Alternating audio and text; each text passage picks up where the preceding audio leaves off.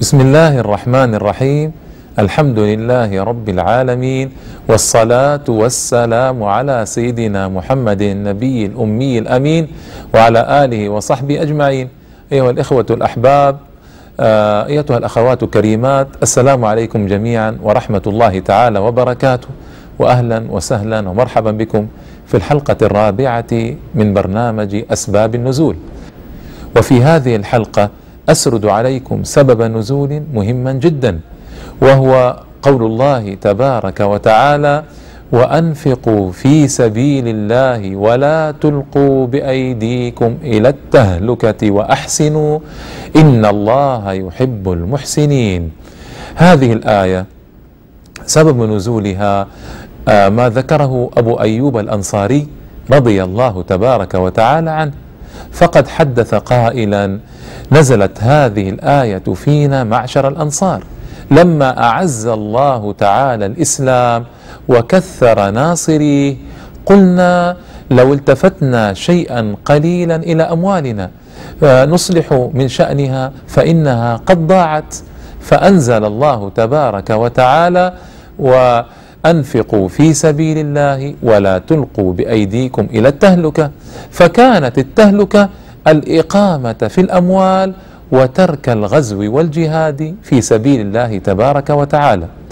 وكان لها أيضا حادثة جليلة ومناسبة كريمة أسوقها لكم. فقد آه، كان أبو أيوب رضي الله تعالى عنه في أول جيش قاتل في القسطنطينية. ابتغاء تحصيل الأجر النبوي الكريم الذي أخبر عنه رسولنا عليه أفضل الصلوات والتسليم لتفتحن القسطنطينية فلنعم الجيش ذلك الجيش ولنعم الأمير ذلك الأمير. والقسطنطينية اليوم هي إسطنبول وكانت عاصمة للدولة الرومانية الشرقية وأزالها محمد الفاتح رحمة الله تعالى عليه أحد خلفاء بني عثمان وسلاطينهم وأبقاها مسلمة إلى يوم القيامة إن شاء الله. فخرج صف عظيم من الروم وخرج رجل من المسلمين فدخل في صف الروم فتعجب الناس وقالوا سبحان الله يلقي بيديه إلى التهلكة. والله تعالى يقول ولا تلقوا بأيديكم إلى التهلكة. فقام أبو أيوب خطيبا فيهم وذكر سبب النزول الذي أوردته انفا.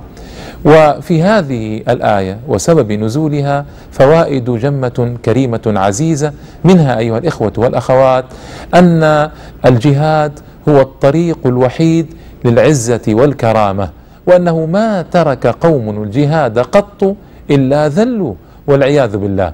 فأبو أيوب رضي الله تعالى عنه بين أن التهلكة كانت في الإقامة في الأموال والبساتين وترك الجهاد في سبيل الله تبارك وتعالى. فما شاء الله تبارك وتعالى للأنصار أن تكون خاتمتهم كذلك بل أراد منهم رضي الله تعالى عنهم أن يستمر عطاؤهم وأن يستمر جهادهم خاصة أنهم قد أبلوا في الإسلام بلاء عظيما. وهم آه، مع المهاجرين خير جيل أخرج للناس أجمعين على مدار البشرية. لا نشك في ذلك أبدا. لكن القوم بشر ومنبع عظمتهم أنهم بشر. فأرادوا الركون شيئا قليلا لإصلاح أموالهم والاصلاح بساتينهم. فما رضي الله تعالى منهم ذلك وأقامهم في الجهاد حتى لقوه رضي الله تعالى عنهم وأرضاهم. فالجهاد هو سبيل العز لهذه الأمة وهو مضمار كرامتها وهو بوابة عزها ومجدها إلى يوم القيامة. الأمر الثاني وهو جواز أن يتقدم المرء في العدو ويغمس نفسه فيهم. وذلك أن رسول الله صلى الله تعالى عليه وسلم سأله أحد الصحابة رضي الله تعالى عنهم ما الذي يضحك الرب من العبد؟ قال صلى الله تعالى عليه وسلم غمسه يده في العدو حاسرا. أي أن يدخل في العدو وأن ينكي فيهم حاسرا بلا درع ولا آه، مؤونة حماية وتكلفها. وهذا الذي يضحك ربنا جل جلاله العزيز العظيم. آه وأيضا معشر الإخوة والأخوات وردت في بعض الآثار التاريخية الصحيحة مثل هذه الأعمال. فبنو حنيفة لما استتروا في حديقتهم وأغلقوها عليهم طلب البراء رضي الله تعالى عنه من أصحابه أن يضعوه في ترس وكان ضئيل الجسد عظيم الفعل رضي الله عنه ويحملوه على الرماح فيقذفوه في حديقة الموت وكان نزوله على بني تميم الأشداء الذين كانوا بالآلاف في الحديقة موتا محققا. مع ذلك ورموه في الحديقة بلا نكير من الصحابة رضي الله تعالى عنهم وكبار التابعين الحاضرين آنذاك. فدل هذا على جواز مثل هذا الصنيع بشروط حددها الفقهاء وهو اولا أن هذا الصنيع ينكي في العدو. ما هو هذا الصنيع؟ هو أن يدخل المرء فيهم ويقتل منهم مقتلة عظيمة أو أن يقتل نفسه فيهم أو أن يقتلوه فهذا لا شك أنه إن كان ينكي العدو نكاية واضحة ويؤذيه أذية واضحة فهذا الفعل مشروع إن شاء الله بل هو من أعظم الأعمال وأفضلها عند الله تبارك وتعالى إن شاء الله. فينكي فيهم ويؤذيهم أشد الإيذاء ويحقق مصلحة للمسلمين. فمتى اجتمع الفعل فمتى اجتمع في الفعل هذه الأمور الثلاثة؟ كان خيرا إن شاء الله وكان شهادة إن شاء الله تعالى وكان جهادا في سبيل الله تبارك وتعالى.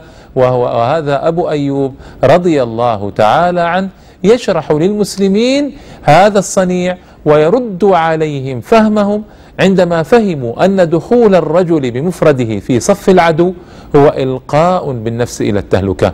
فهذا أبو أيوب رضي الله تعالى عنه يرد عليهم هذا الفهم ويثبت صنيع ذلك الرجل ويؤيده ويرد على من أنكر عليه.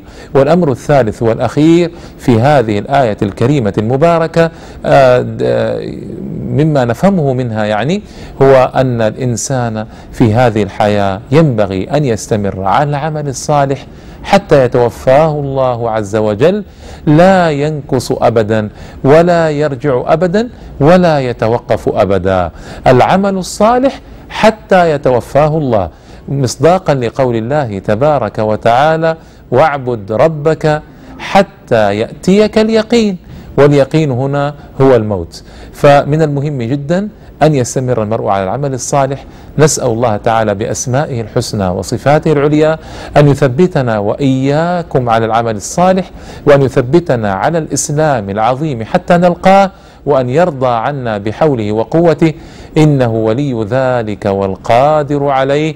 وصل اللهم وسلم وبارك على سيدنا محمد النبي الأمي الأمين وعلى آله وصحبه أجمعين. وإلى اللقاء إن شاء الله تعالى في حلقة أخرى من أسباب النزول. والسلام عليكم ورحمة الله تعالى وبركاته.